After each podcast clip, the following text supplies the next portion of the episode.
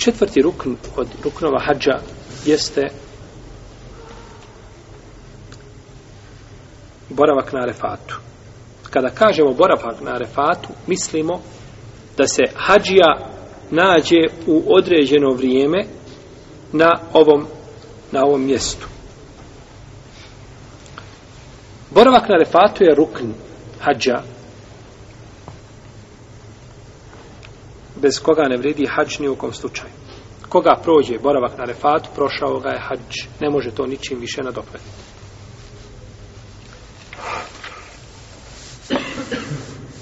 I ovaj rukn je potvrđen Kur'anom i sunnetom i konsensom islamskih učenjaka. Kaže uzvišenje Allah te bar fela thumma yafidu min haythu yafadu nas. Potom krenite odakle ljudi kreću. Potom krenite odakle ljudi kreću.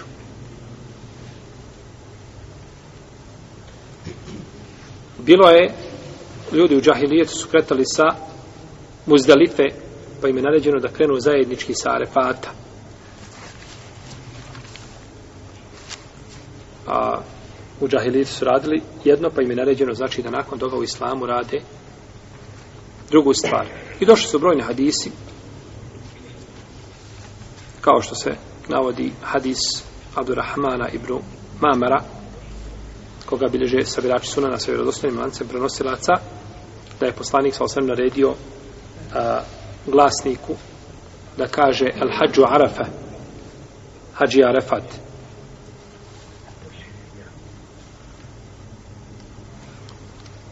Pa kaže dalje poslanik sa osvrem ko dođe na ovo mjesto prije nastupa zore a ima hađi ko bi došao na Arefat prije nastupa zore prije desetog dana znači prije zore ovaj desetog dana Dol Hidžeta dana Bajrama znači stigao je na Hadž i veliki broj islamskih učenjaka navodi konsensus pravnika po ovome, po ovome pitanju što se tiče samog vremena boravka na Arefatu islamski učenjaci imaju različita mišljenja koliko je najmanje. Svi se slažu da se mora boraviti. A koliko je, koliko je to najmanji period koji treba provesti, tu postoje razilaženja znači, među islamskim pravnicima. Različita su mišljenja i različiti su stavovi.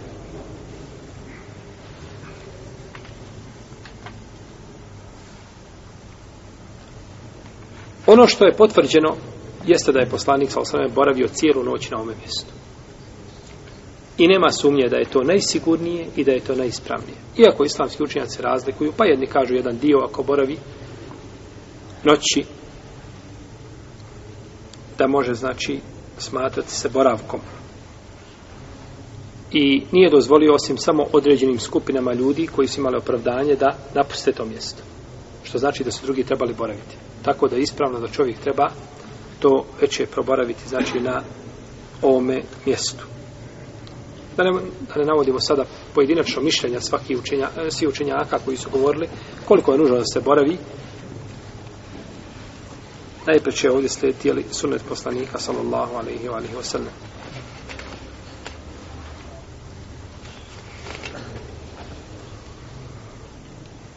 kada se čovjek nalazi na refatu dozvoljeno mu je da, da boravi gdje želi.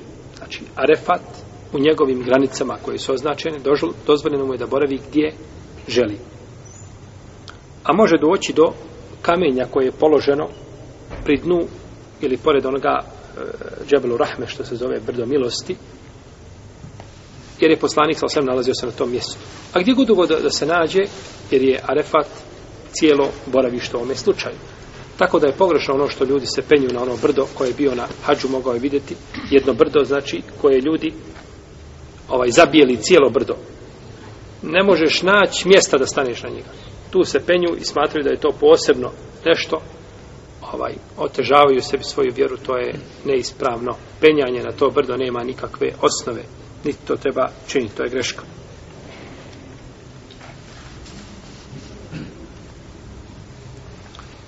Može se čovjek, lepo moj, da se okrene prema kibli i da uči dov, može i dići ruke.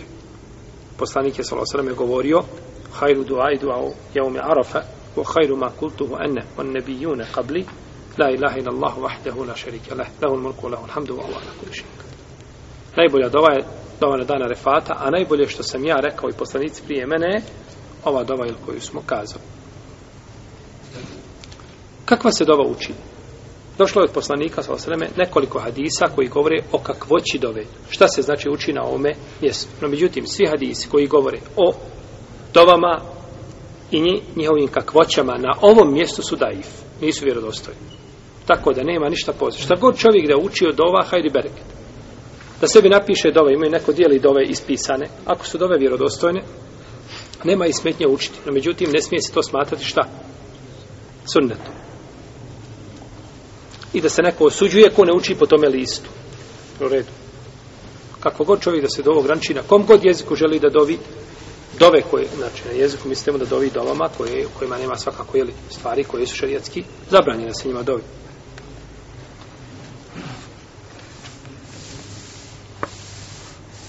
Dalje, da uči telbiju.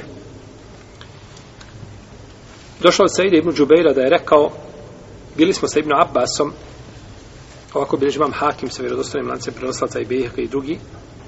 Bili smo, kaže, sa Ibn Abbasom, pa mi je rekao o Saide, šta mi je pa nečujem ljude da uče telbiju. Potom je izišao iz svoga šatora i učio lebejk Allahuma lebejk.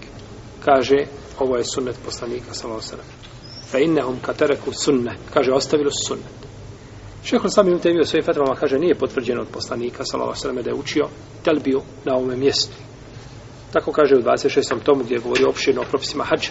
No, međutim, ako je ova predaja ispravna, kao kako kaže šehr Albani, onda bi ovo bio dokaz uh, koji ne bi znači išao u prilog ovome što je spomenuo šehr Hulestam im temije, nego je to potvrđeno, znači, pored Hulefa i Rašidina, potvrđeno je to i od poslanika, salava sveme, i rashab kada kaže sunnet, misli se na sunnet Rasulullaha, ali i salatu veselam. Pa stanje hađije na arefatu treba da bude učenje Kur'ana, zikr, dova, ibadet. A ne da bude, znači, gubljenje vremena, danguba, šuplja priča. Ljudi sjede na arefatu i kartaju se. Igraju žandara na arefatu, šahaju se. Ubiju vrijeme. Na arefatu, znači, rade ono što nije dozvoljeno raditi mimo arefate čemu nikakvog hajda nema. Ni u kartanju, ni u, ni u, ni u, ni u šahu. Našto ono što je ovaj, Selefa došlo jasno o zabrani šaha. Tako da je to neispravno. A da ne govorimo da onima koji sede i slušaju muziku. I koji puše, pored fat hode i puše. Ponekad je određenim ljudima najbolje kad spavaju. Najbolje kad zaspe, najmanje griješi. Zato bi im najbolje bilo spavali na refatu.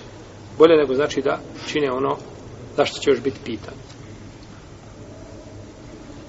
Dalje, od sunneta na refatu jeste da čovjek ne posti. Da hađija ne posti na arefatu. Za razliku od ljudi koji su u mjestima boravka i nisu u ihramima, nisu muhrimi, njima je sunnet da poste taj dan zbog velike nagrade. A hađije neće postiti kako je došlo u hadisku od Buhari kod muslima, od Mejmune, kaže, ljudi su sumnjali da li poslanik sa svem posti. Ha. Neki kažu posti ili ne posti, nije im jasno bila, kaže, pa sam mu poslala jednu posudu sa mlijekom, pa je pio mlijeko, u drugoj predaj da je bio na devi pio mlijeko, da ga svi ljudi vide. Da ga svi ljudi vide. Pa nije sunnet hađi da posti na dan arefat. Šesti sunnet jeste da krene sa Arefata nakon zalaska sunca. Da krene smireno i polahko, znači napustajući Arefat. Jer je poslanik sa osanem rekao Ja ejuhan nasu alejkom bis sekine fe inel birra lejse biri da'a.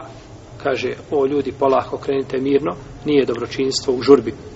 Nije dobročinstvo šta u žurbi, kako je rekao poslanik sa svemu hadisu, koga bilježi vam ulbejhek u svome dijelu šobol iman, a etenni min Allah, vol ađeletu min šeitan,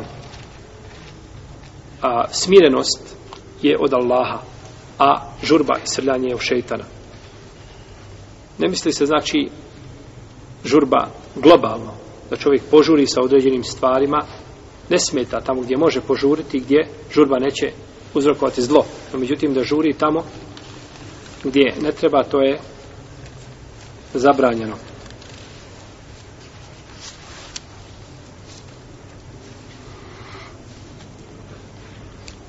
I sedmi sunet jeste da ide sa prema muzdalifi sa telbijom, kako je došlo u hadisu džabinu. Boravak Ovdje imamo svakako, jel, prije toga, spajanje, znači namaza, podne i, i kindije sa jednim jezanom i dva ikrameta na arefatu. U podnevsko vrijeme.